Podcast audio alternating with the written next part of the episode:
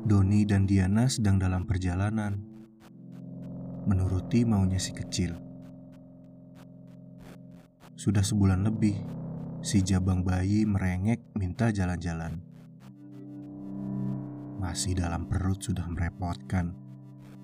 Tapi ya sudahlah, turuti saja.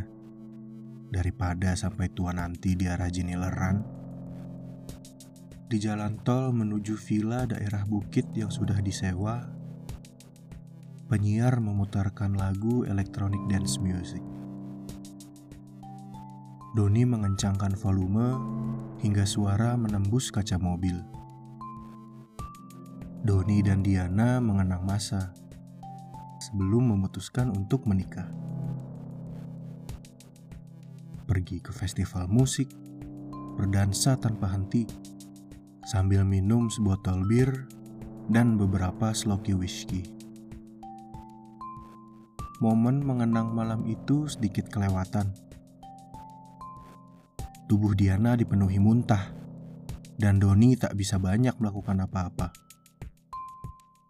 Bukan bir dan whisky yang memabukkan, atau joget tanpa henti yang melelahkan. Mereka mabuk, terlalu dalam mengenang. Hingga mobil SUV yang dikendarai Doni menabrak pembatas jalan.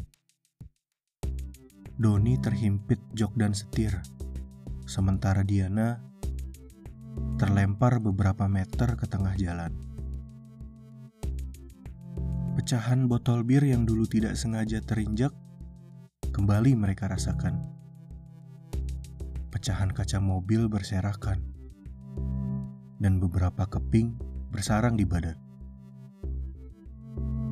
Di ujung malam itu, tidak terdengar suara jangkrik. Sepi terasa berisik, diiringi dentuman elektronik dance music. Penyiar memotong bagian akhir lagu yang dianggap tak penting basa-basi so asik sebelum akhirnya memutarkan lagu terakhir. Seraya pamit mengundurkan diri. Dan mempersembahkan dentuman bass dan treble nyaring terakhir